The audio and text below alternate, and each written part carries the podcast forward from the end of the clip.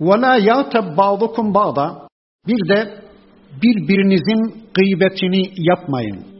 Gıyabında birbirinizin gıybetini yapmayın. Gıybet nedir? Gıybeti söz sultanına her konuda Allah'ın yetkilisi olarak söz söyleme hakkına sahip olan Peygamber Efendimiz'e sormuşlar. Mel gıybetu ya Resulallah? Gıybet nedir ey Allah'ın Resulü? Gale dedi ki Peygamber Efendimiz zikruke ehake bima yekrahu bir kardeşin duyduğu zaman, kulağına gittiği zaman hoşuna gitmeyecek bir sözü onun gıyabında söylemendir. Şurada içimizde bir Müslüman yok. Onunla alakalı bir şey söylüyoruz. Kulağına gittiği zaman, duyduğu zaman hoşuna gitmeyeceği bir sözü onun gıyabında söylemek gıybettir.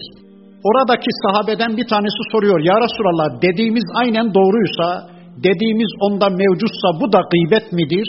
Evet dediğiniz onda varsa bu gıybettir. Değilse febehet tuhu. Eğer söylediğin söz gıyabında o kardeşin hakkında söylenen söz onda yoksa o iftiradır. Bakın iftira, gıybet İslam cemaatini tamamen tıraş eden bir özelliktir. Ama üzülerek ifade edeyim ki bugünün en büyük belalarından birisi şu andaki İslam toplumun en büyük belalarından birisi gıybettir. Neden? Çünkü sermayesi olmayanların sermayesi gıybettir. Oturduğunuz bir yerde eğer gerçekten konuşacak kadar Kur'an bilginiz yoksa, gündeme getirecek kadar sünnet bilginiz, hadis bilginiz yoksa atacaksınız bir kardeşinizi ortaya, onun çiğ çiğ etini yemeye kalkışacaksınız.